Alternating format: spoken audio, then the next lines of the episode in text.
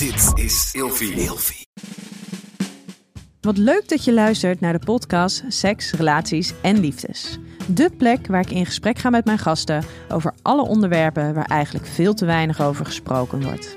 Dus luister, geniet en laat je vooral inspireren.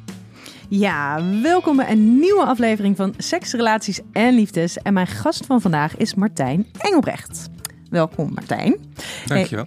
Jij bent kunstenaar en creatief directeur bij eh, Circus Andersom. En juist omdat ik jullie omschrijving daarvan zo ontzettend mooi vond, ga ik hem gewoon even letterlijk eh, benoemen, voorlezen. Want Circus Andersom is een verbindende ontregelingsorganisatie met het doel de sociale duurzaamheid in de wereld te vergroten.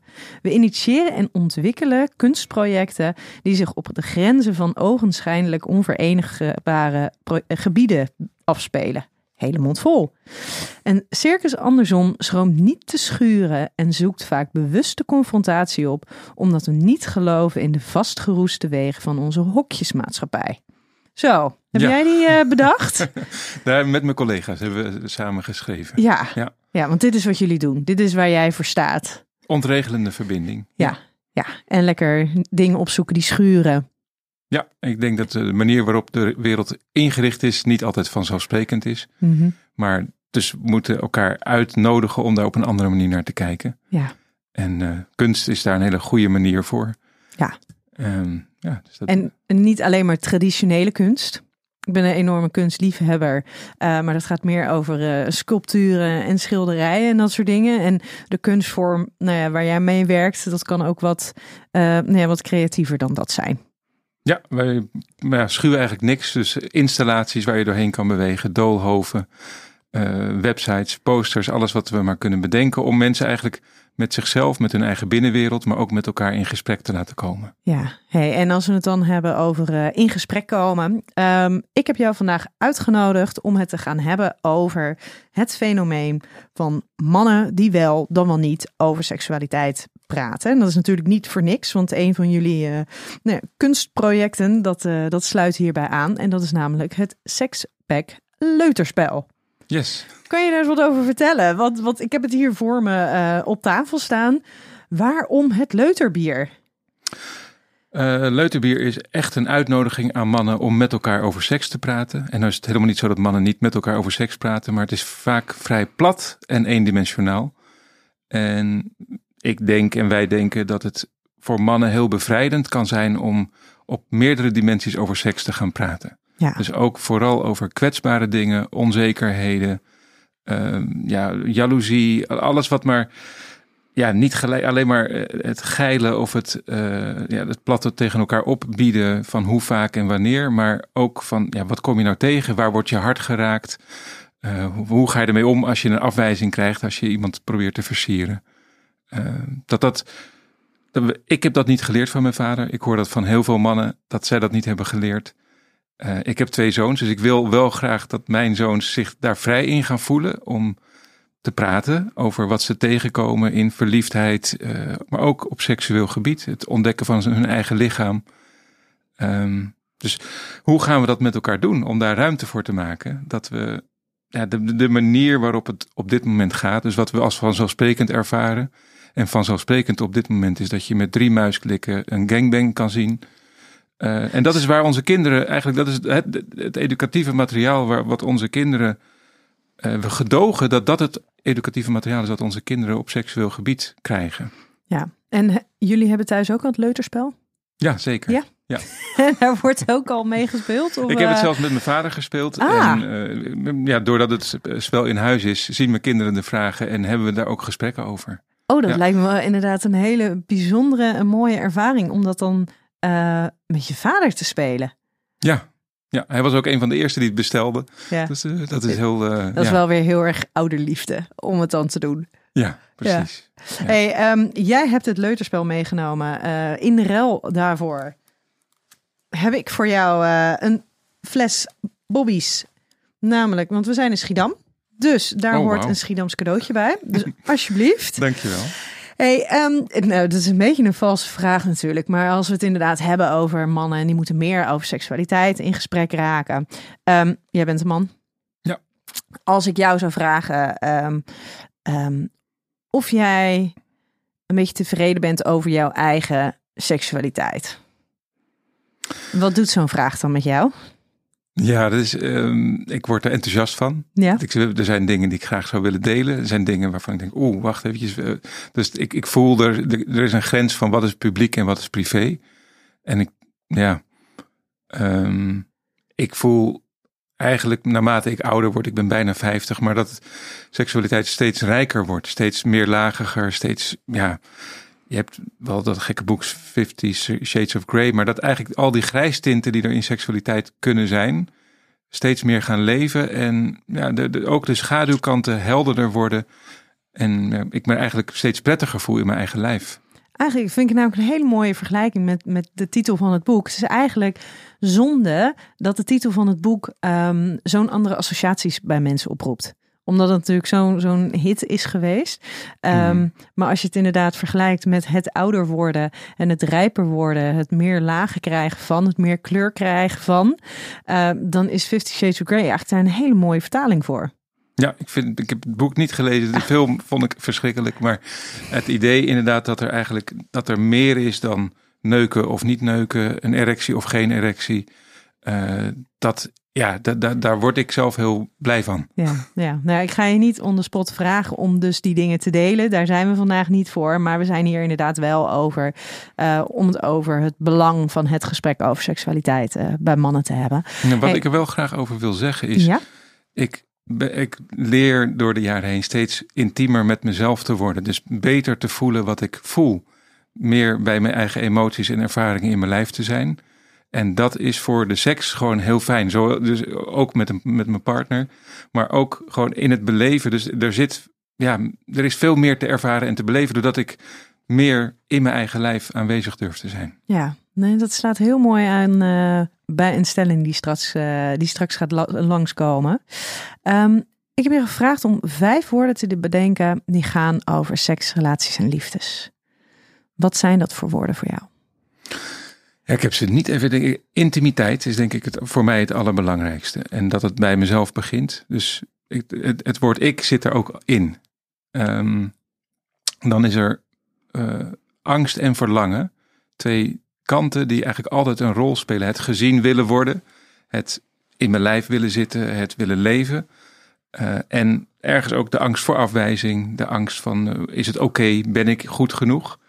En plezier. Ja, en de ik, dat is de eerste keer dat ik de ik voorbij hoor komen. Is de ik met de jaren belangrijker geworden?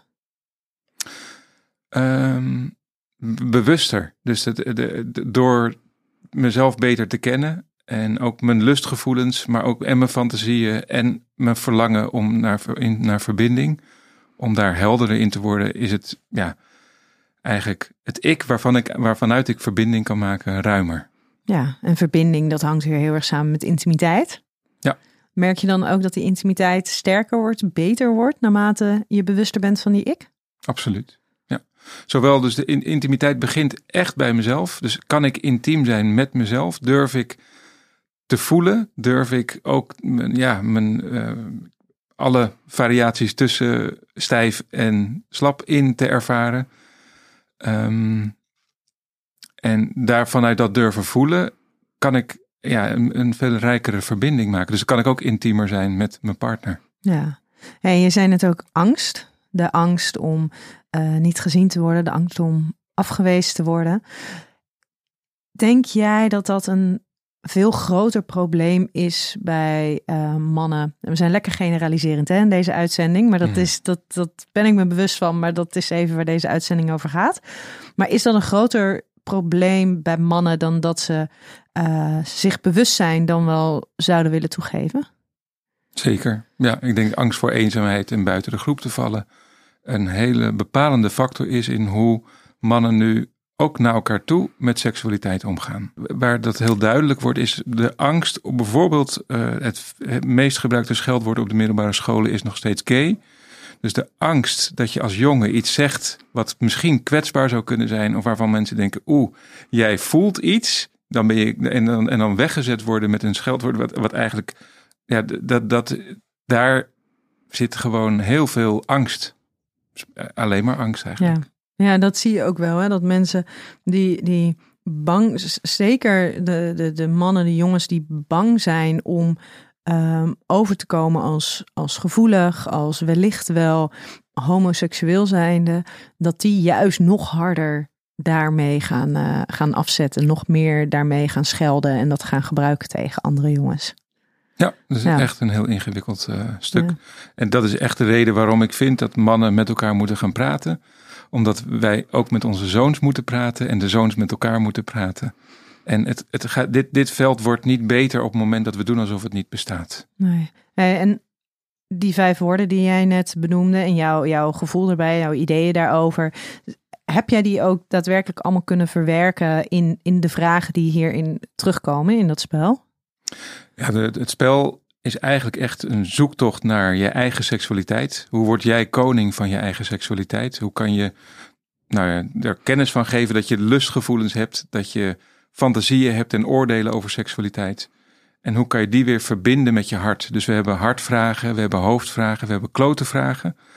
En als je op die vragen vanuit je hart kan spreken, want uiteindelijk geloof ik er heel erg in dat mannen op zoek zijn ook naar verbinding. Het lijkt heel vaak soort plat gezegd van mannen willen seks en vrouwen willen verbinding. Maar ik geloof dat mannen net zoveel verlangen hebben naar verbinding eh, als vrouwen dat hebben. Ehm, en dus het, het, hart is de, wordt de hele tijd aangewakkerd in het spel. Ja. ja. En heb je toevallig een vraag bij de hand als je het hebt over zo'n zo'n vraag naar verbinding? Waar, waar moet je over nadenken? Nou ja, hoe ga jij ermee om als je wordt afgewezen bij een flirtpoging? Dus eh, ga je dan zo snel mogelijk naar de volgende? Of neem je echt even de tijd? Eh, eh, Gun je jezelf ook te voelen wat die afwijzing met je doet? Dat is bijvoorbeeld een vraag. En wat raad je dan anderen aan? Of als een vriend grensoverschrijdend gedrag vertoont op een feestje, spreek je hem er dan op aan? En op wat voor manier? Dat is iets wat we heel vaak horen, dat mannen wel ervaren dat andere mannen dingen fout doen. En dat is nu, ja, dat horen we vaak om ons heen. Andere mannen die dingen fout doen. Maar het veld waaruit ze dat kunnen doen en waaruit het gedoogd wordt, dat is eigenlijk heel erg bepalend. Ja. En dat je daar als man, ook als je niet tussen aanhalingstekens een foute man bent, wel eh, in ja, het veld creëert waarin dat kan plaatsvinden. En doordat je dus niet je vinger opsteekt of zegt: hé, hey, wat doe jij nou? En ik vind het niet oké. ja, dus eigenlijk een soort van faciliteert. Ja. Ja, Nog sterker, en vaak erop een beetje om gaat lachen, schaapachtig lachen, omdat, oh, dat is ja. En het idee dat het grappig is, als iemand net even een verkeerde opmerking maakt, ehm, ja, daar, daarmee brengen we natuurlijk grensoverschrijding wel, maken we het mogelijk. Ja. Hey, ehm, we gaan, gaan straks nog eventjes een paar vragen eh, doornemen. Want er komen namelijk aan de hand van deze vragen ook allemaal vragen bij mij eh, op. Namelijk onder andere, ja, daar hoef je nu geen antwoord op geven hoor. Maar ehm, ja, als je het hebt over, eh, over, over hiermee omgaan en kunnen voelen, grenzen aan kunnen geven, dan heb je natuurlijk ook over een stukje emotieregulatie, in contact staan met je gevoel, eh, het stukje kwetsbaarheid. Hoe ga je daarmee om? Dus daar komen we straks nog even op terug. Ik heb, ehm, jullie, jij hebt de klote vraag, begreep ik. Ik heb eh, de kutkeuzes voor je. Oké. Seksualiteit of intimiteit? Intimiteit. Strikte monogamie of een relatie met meer vrijheden? Een relatie met meer vrijheden.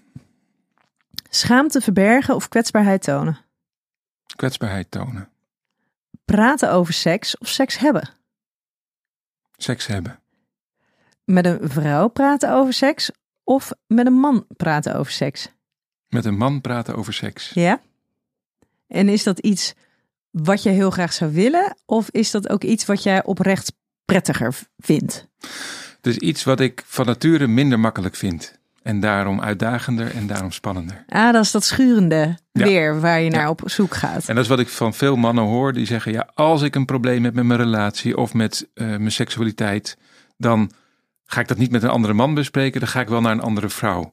En daarmee houden we ook een beetje in stand dat je dus mannen ergens niet vertrouwt. De, de kwetsbare dingen die, waar je mee rondloopt, dat je het niet aan een andere man vertrouwt.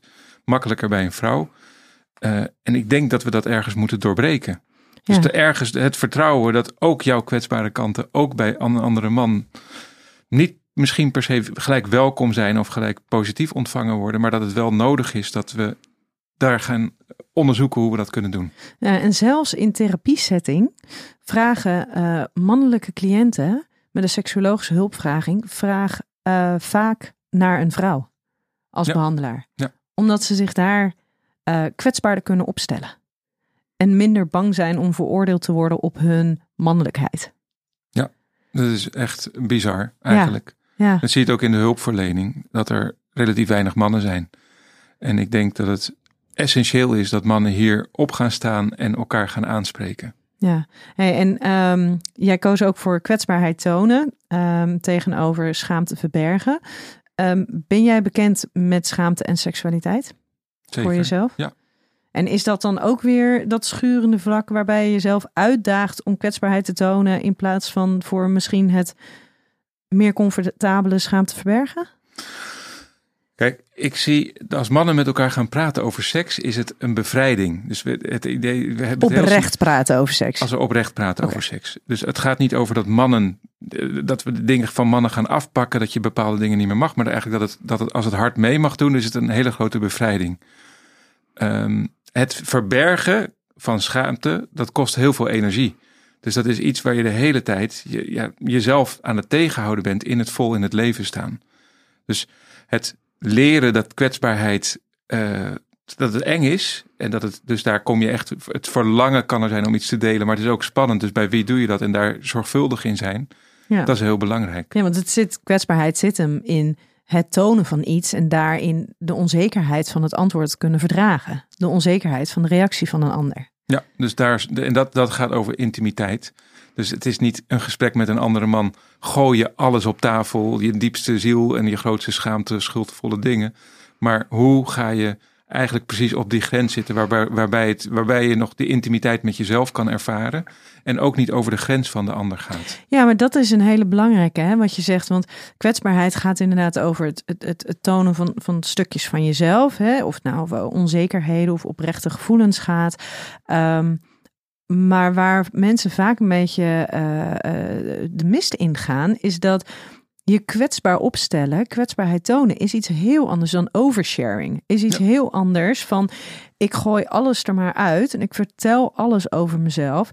Waarbij ze vaak inderdaad onbewust hun eigen grenzen overheen eh, overgaan. Ehm, maar ook die van een ander. Nee, dat is heel belangrijk dat het niet, ja, dat die, die grens, dat je die, dus we hebben ook een contract wat je af, aftekent met elkaar. Dus het openen van het biertje is dat je geeft elkaar aan, we gaan niet door elkaar heen praten, we gaan elkaar geen advies geven. Luisteren is belangrijker dan praten. Dus het, dat je eh, je ook gewaar bent van wat ben ik nou aan het vertellen en klopt dat in deze setting waar ik dat aan het doen ben. Ja, En dat hoeft niet gelijk, ja, als je, er is natuurlijk een groot probleem. Als je ergens een grensoverschrijdend gedrag hebt gedaan in je, in je leven, waar kan je terecht? Je kan, voordat je bij een hulpverlener terechtkomt, is dat, dat is niet zo vanzelfsprekend. als pleger ervan. Als pleger, Ja? ja, als dader. Ehm, dus ergens lijkt het een soort gedoog te worden. Door, eh, tegelijkertijd is er op het moment dat, dat je daaraan hebt geschuurd of je hebt iets gedaan, eh, je wordt verketterd op het moment dat je uitkomt voor iets wat er mis is gegaan. Ehm, je kan eigenlijk geen kant mee op. En dat is eh, denk ik een groot probleem van de hele maatschappij. Want het gebeurt ontzettend veel. Dus er zijn dan wel heel veel mensen ehm, die grenzen over zijn gegaan en zich daar niet bewust van zijn. Dan wel heel veel mensen die grenzen over zijn gegaan, zich daar wel bewust van zijn en moeten dealen met de gevolgen daarvan intern op gevoelsmatig niveau. En dat is, ik geloof, dat is een beetje abstract, maar dat het uiteindelijk even traumatiserend is als je aan de ene of aan de andere kant van de grensoverschrijding zit. Eh, en dat het verbergen daarvan, de schaamte, de schuld die je daar wel eens mogelijkerwijs in kan ervaren. Maar ook als je hem niet ervaart, denk ik, geloof ik erin dat het net zo beschadigend is. Dus uiteindelijk dat seks zonder liefde, eh, waar, er geen, waar de verbinding er niet is, ergens in je systeem niet gezond is. Ja. Eh, en ja, daar, ik, de- de- daarom moeten die gesprekken gaan plaatsvinden. Ja. Nou, dan zeg ik ook altijd, hè, eh, alles wat je wil en verlangt op seksueel gebied, dat is oké. Ehm, maar als we het hebben over situaties waar er geen ehm wederzijdse instemming is gegeven, dus er is geen sprake van consent, dan hebben we het eigenlijk niet over seksualiteit. Dan hebben we het over grensoverschrijdend gedrag. Ja, dat is heel duidelijk. Ehm, we gaan naar de stellingen. Een wereld waarin mannen openlijk en serieus over seks praten is een illusie. Mag ik dan gewoon nee zeggen? Dat Ja. mag, alsjeblieft. Nee, dat- daar ben ik het niet mee eens. Nee? Nee. En als je, zeg maar, in, in gewoon de wereld zoals die nu is. De, de, de, de, de oudere mannen, de jonge jongens. Ik geloof in verbeelding. Dus ik geloof, als, als ik, als je ik me kan hè? verbeelden. Dat is ja. jouw kracht. Maar is ook de manier waarop de wereld kunnen veranderen. Dus het, is, het verandert niet door te denken, het is nu eenmaal zo en zo zal het altijd blijven. Ik ervaar aan de gesprekken die ik heb met mannen dat er heel veel ontspanning en bevrijding ontstaat op het moment dat, dat er hier gesprekken over plaats kunnen vinden. Dus er is herkenning, en er is een spiegeling en er is iets van, oh wacht eens eventjes, hoe doen we dat eigenlijk met z'n allen? Dat is misschien wel niet zo oké. En, en maakt het dan nog verschil uit in ehm, de leeftijd van die, van die mannen die je spreekt? Dat gaat dwars door alle leeftijden heen. Dus we hebben, ik heb penisdialogen georganiseerd. Die gaan echt over gesprekken met mannen over seks. Er zijn mannen van 18 tot eh, ruim in de 70 bijgekomen. En iedereen vindt elkaar in die gekke, ja, dat, dat gekke eh, evenwicht tussen angst en verlangen. Maar schaamte en schuld, plezier, eh, dingen, hoe je denkt dat het moet. Alle oordelen die we daarover hebben. En daar gewoon eens met elkaar over praten. Van hoe zit dat bij jou eigenlijk? Oh, ik ervaar het zo. Ehm, ja, dat is echt bevrijdend. Ja, ja mooi. De volgende. Om mannen, te leren, eh, om mannen te laten praten over seksualiteit, moeten we ze eerst leren om kwetsbaar te zijn. Ja, ik weet, kijk, kwetsbaarheid is een gek woord, omdat het, het geeft eigenlijk aan ik geef de mogelijkheid dat andere mensen mij kwetsen.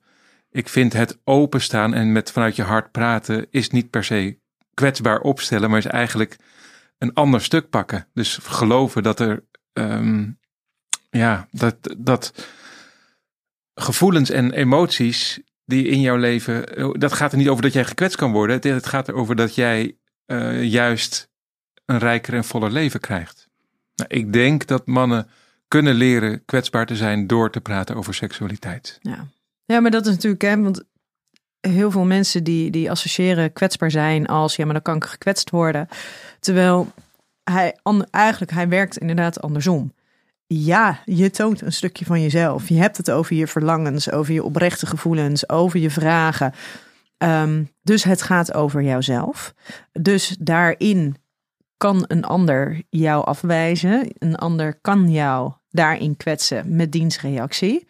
Ehm, maar zeker als je het in de veiligheid van vrienden doet, in de veiligheid doet van een, een vader-zoon relatie, ja, dan mag je ergens hopen dat daar op een hele liefdevolle en respectvolle manier op wordt gereageerd. Ja. Maar je moet het ook kunnen verdragen dat een ander kwetsbaar is. Want als jij je inderdaad heel kwetsbaar opstelt. Jij bent hiermee bezig met deze, met deze gesprekken, met deze thema's. Dus ik kan me voorstellen dat jij daar al wat verder in bent, in het kunnen praten erover. Maar op het moment dat jij tegenover iemand zit die het nog nooit erover heeft gehad.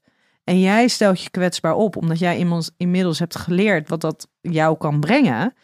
En er zat iemand tegenover jou die, hele, die kan helemaal niet met emoties omgaan. Die kent compassie en empathie helemaal niet. En zeker niet met betrekking als het over seks gaat. Want dan zijn we gewoon heel stoer en praten we lekker oppervlakkig door. Ja, dus er zit een risico aan in dit soort dingen eh, op tafel leggen. Ja, Eh, maar het risico om het niet te doen is veel groter. Dus de- ik denk dat het belangrijk is dat we dat, we dat doen. En ehm, ja, dat je dat, dat, dat je dat risico neemt. Dus het gaat nu, het risico, dat is het risico van afwijzing. Hè? Van dat je buiten de groep geplaatst wordt. Dat je niet mee mag doen. en daar zat jouw angst voor afwijzing al in. Ja, die kom, die kom je daarin tegen. Eh, maar als je jezelf gaat afwijzen omdat je bang bent dat andere, andere, anderen jou afwijzen, dan voel je wel aan je water dat het niet helemaal de goede weg is. Dat is wellicht nog een grotere afwijzing. Ja,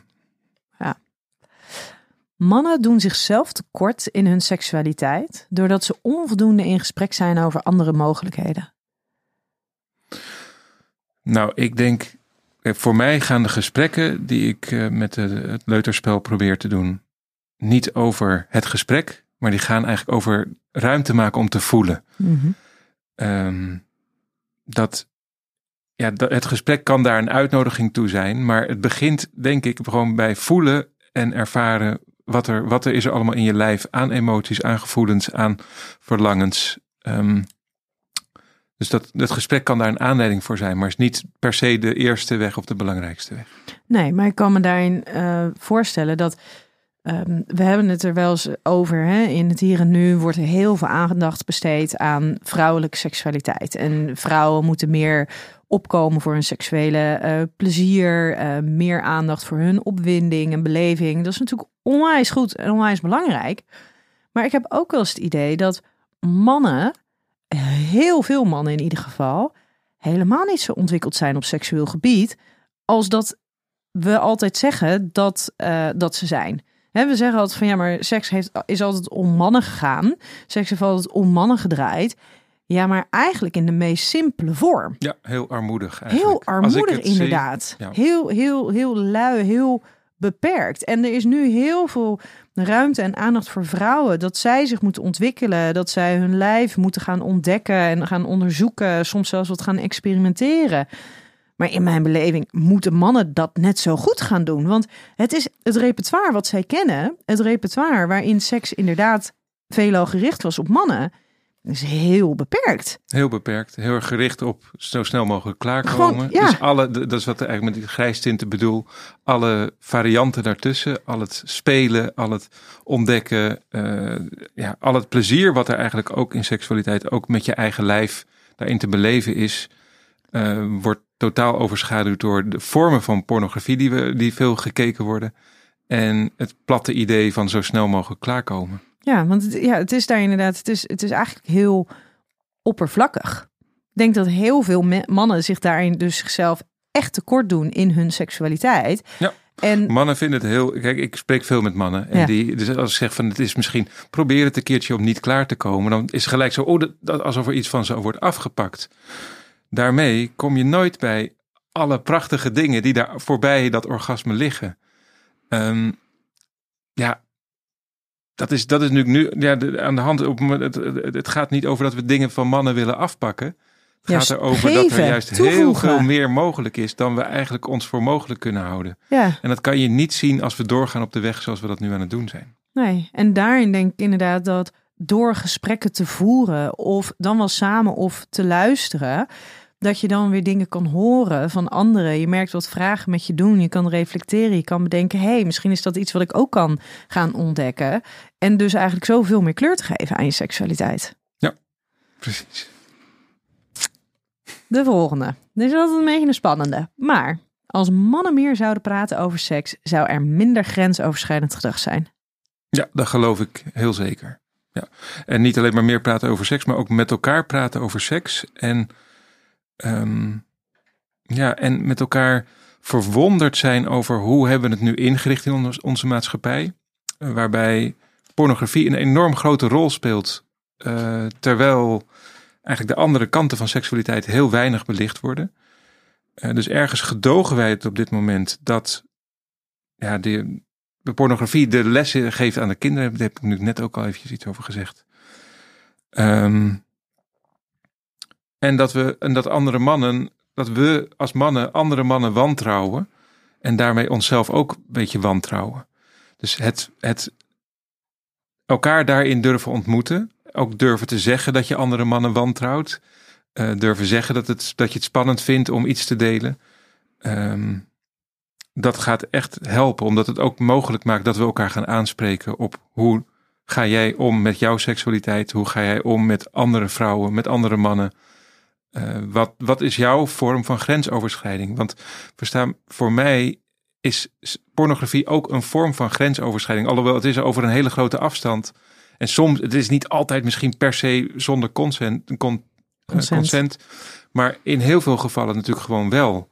En het is dan ver weg en makkelijk, heel makkelijk toegankelijk. Maar ondertussen hou je een wereld in stand waarbij eigenlijk in mijn beleving grensoverschrijdend uh, gedrag voortdurend aan de hand is. Ja, en dan moet ik daar eventjes bij zeggen dat de wereld van pornografie ook een onwijze ontwikkeling mee heeft, door, uh, heeft doorgemaakt. En dat er ook een hele grote tak van sport is daarin waar consent juist heel erg belangrijk is, waar acteurs elkaar mogen uitkiezen op basis van hè, uh, met jou voel ik een seksuele aantrekking, met jou denk ik dat ik me veilig genoeg voel om een bepaalde scène op te nemen. Dus ja, ja, kan er is inderdaad van niet... alles gaande waar we het inderdaad over grensoverschrijdend gedrag hebben, wat, wat een beetje in de achterkamertjes um, gebeurt. Maar gelukkig is er ook een hele gezonde ontwikkeling daarin gaande.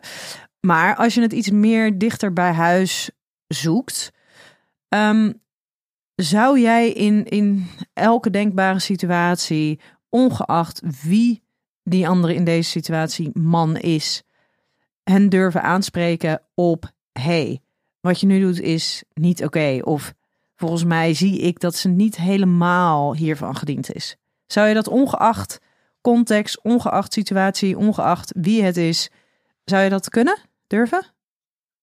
Nou, ik moet nu natuurlijk zeggen van ja. Nou, je moet helemaal niks. Nee, maar dat, Als we het hebben over kwetsbaarheid, ja, je moet niks. Ik, ik, ik, ik, voel daar natuurlijk, ik, ik kan me situaties voorstellen waar dat heel spannend is. Zoals?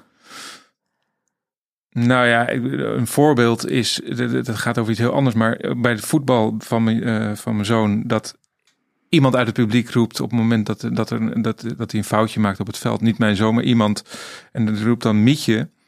En dat ik dan niet zeg van, ik denk van, hé, hey, wat zegt hij nou eigenlijk en wat bedoelt hij daar nou mee? En wat, wat betekent nou dat woord? Oh, dat weet ik eigenlijk. Is het nou... En dat, maar ergens op dat moment te zeggen tegen zo'n vader van, wat doe je nou? Dat heb ik toen niet gedaan, omdat ik toen een soort, even in een soort twijfel zat. Ja. Van wat, wat, wat, wat betekent nou precies dat woord? Is het nou, is dat nou een uitschelding op, op, op seksueel gebied? Of is het wat? Ja, daar was ik een beetje de weg kwijt. Ja, maar zou, zou het nou een volgende keer als dat dan weer gebeurt, hè? want je, je mag af en toe overdonderd zijn, je mag leren, heel graag zelfs. Ja, maar ik ehm, spreek mannen er wel op aan. Als zij dus foute grappen maken over seks, of als er in een appgroep filmpjes langskomen waarvan ik denk, ik, eh, dat, dat ja, wil ik gewoon niet hebben. Dat moet je niet verspreiden. En laat ik heel duidelijk zijn, ik ben daar niet van gediend. Uh, dat doe ik wel heel duidelijk, ja. Ja, goed zo. Um, en dan ben ik ook nog even, van wie zouden, hè, jij, jij als man zijnde, van wie zou jij het eerder, denk je, accepteren? Of van wie accepteren mannen het eerder? Van een man die hen daarop aanspreekt? Of van een vrouw die het ziet gebeuren? Die is niet degene waarbij het op dat moment gebeurt, maar die het ziet gebeuren. Waar zouden mannen het beter van kunnen horen, denk je? Van mannen of van vrouwen? Nou, dat weet ik heel niet in het algemeen. Ik denk dat het voor allebei heel fijn is als het gezegd wordt en dat je ernaar moet luisteren. Maar ik weet niet of het voor de ene meer aankomt dan bij de andere. Dat, dat is een goede vraag. Maar... En we gaan naar de laatste stelling. Voor mannen is het al te laat om nog te leren praten over seks. Dat moet vanaf jongs af aan aangemoedigd worden. Ja, nou het is niet te laat. Was dat de stelling dat het te laat is? nee, ik denk juist dat we ook als oudere generaties dit gesprek moeten voeren. Om daarmee een voorbeeld te kunnen zijn voor onze kinderen. En als wij het niet nu als latere generaties gaan doen en ermee bezig zijn, dan laten we het over aan onze kinderen die dan ook niet weten. Dus dat, moet, dat spel moet geoefend worden, of dat gesprek moet geoefend worden. En daar kan je inderdaad tegelijkertijd niet, zo, niet vroeg genoeg mee beginnen. Dus het is niet zo dat je over seks met je kinderen moet gaan beginnen als ze in de puberteit komen. Of als ze een vriend, vriendje of vriendinnetje krijgen.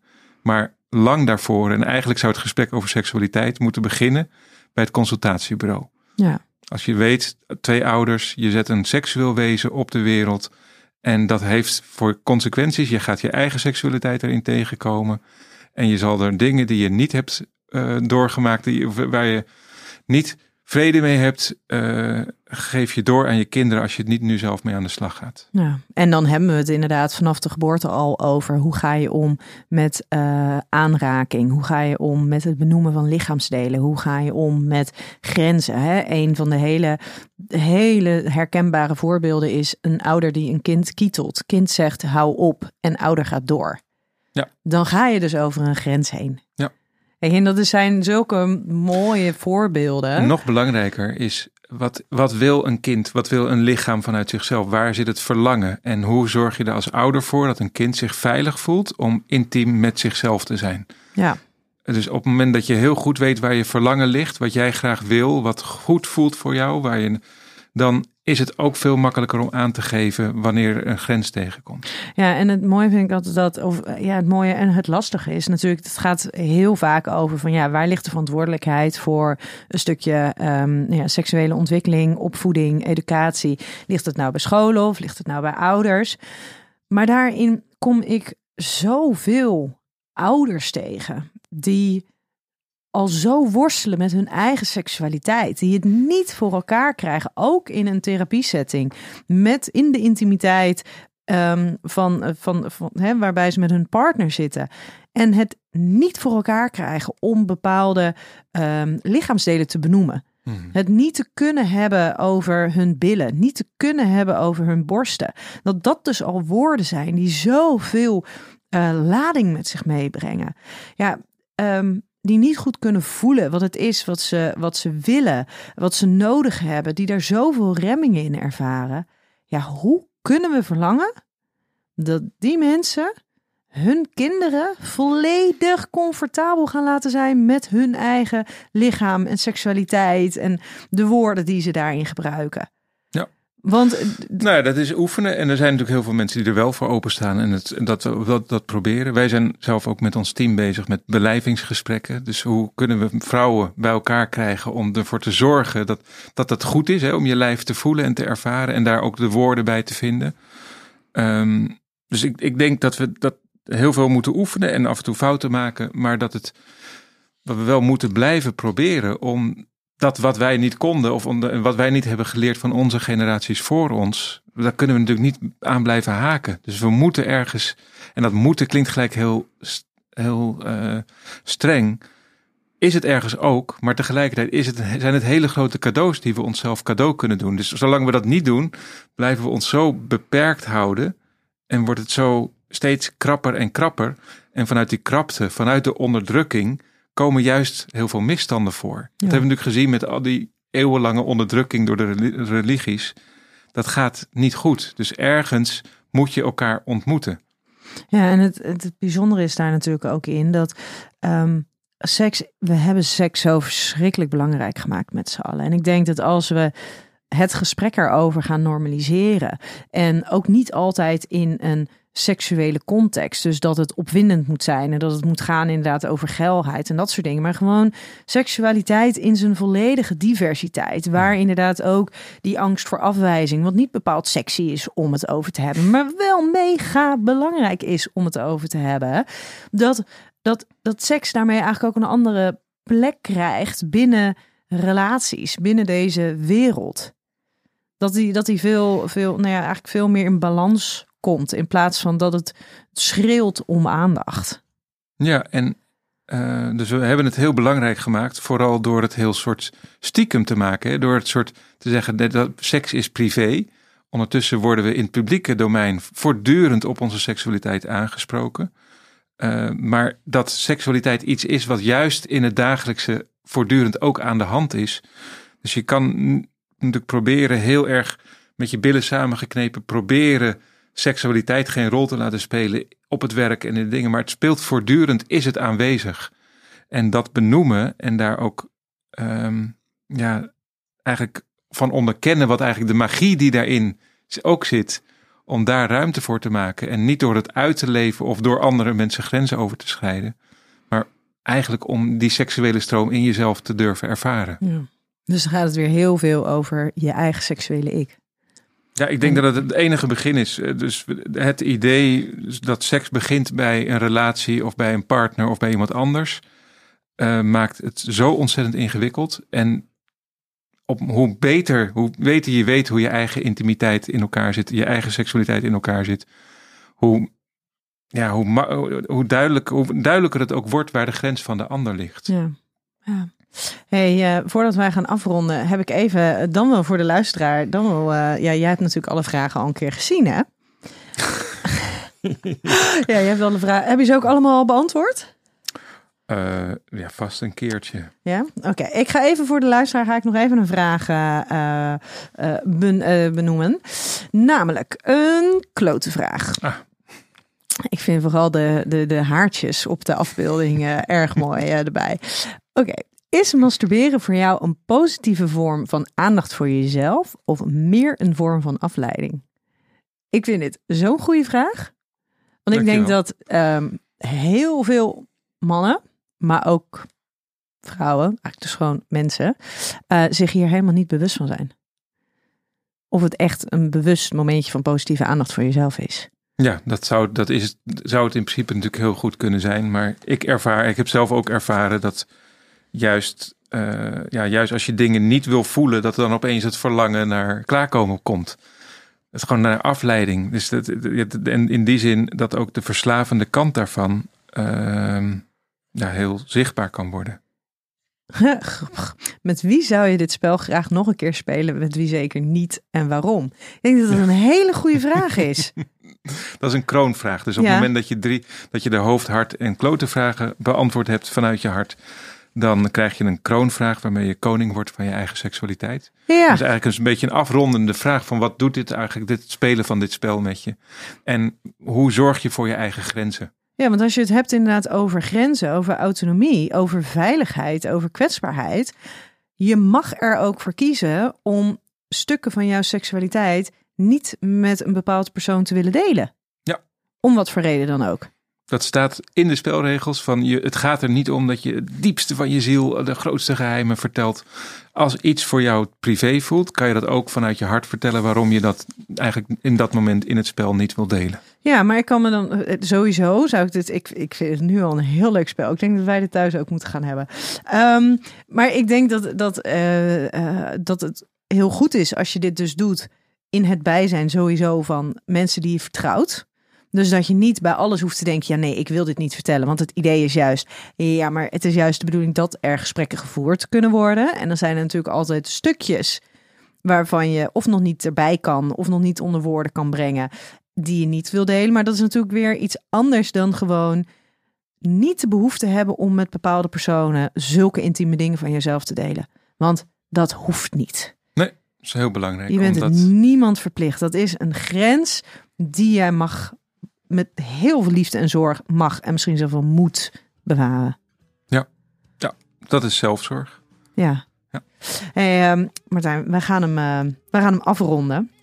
Uh, ik hoop dat het gaat aanslaan. Het is vanaf 14 februari of iets later, begreep ik. Het is nu vooruit te bestellen.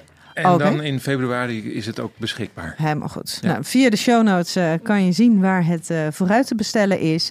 Uh, ik hoop dat het gaat aanslaan. Alleen maar al omdat het gesprek gevoerd moet worden. En ik denk dat de vragen die ik tot dusver heb gezien ook echt wel waardevolle vragen zijn. Dus dat, dat heel fijn om te zien.